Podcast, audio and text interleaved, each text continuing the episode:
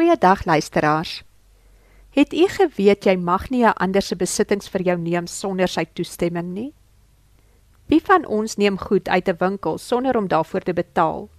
Of breek 'n motorkar se venster en neem iets daaruit vir onsself?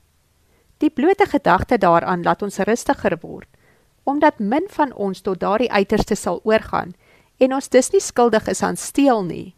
Die woord sê egter dat ek nie die reg het om met 'n ander se besittings om te gaan asof dit aan my behoort terwyl ek nie die eienaar daarvan is nie.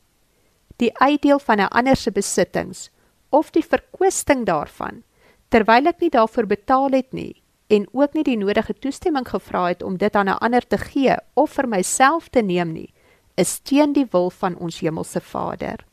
Waarom is dit nodig dat God hierdie probleem in die woord onder sy 10 gebooie insluit? God wat liefdevol is en graag wil hê dat elke mens gelukkig en tevrede in sy koninkryk sal leef, wil vandag ook die belangrikheid van 'n regverdige oordeel onder ons aandag bring. Die woord sê: Hy wat nie werk nie, mag nie eet nie. Die beginsel wat saam met hierdie stelling loop, is dat God se oordeel regverdig is Sy skaal tuimel nie oor van die regter na die linkerkant nie, maar sy maatstaf is reg. Ons almal weet dat jy hard moet werk om besittings te bekom wat geld kos en wat die lewe vir jouself makliker en geriefliker maak. Wanneer word iemand die trotse eienaar van 'n besitting?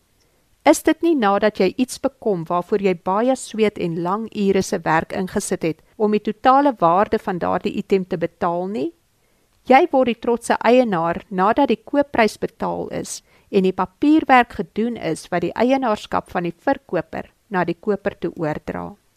Sodra jy die gerief beleef van die motor waarvoor jy gewerk het of die kos eet wat jy betaal het, besef mens dat dit tog die moeite werd is om skouer aan die wiel te sit en te werk vir wat jy in die lewe wil hê.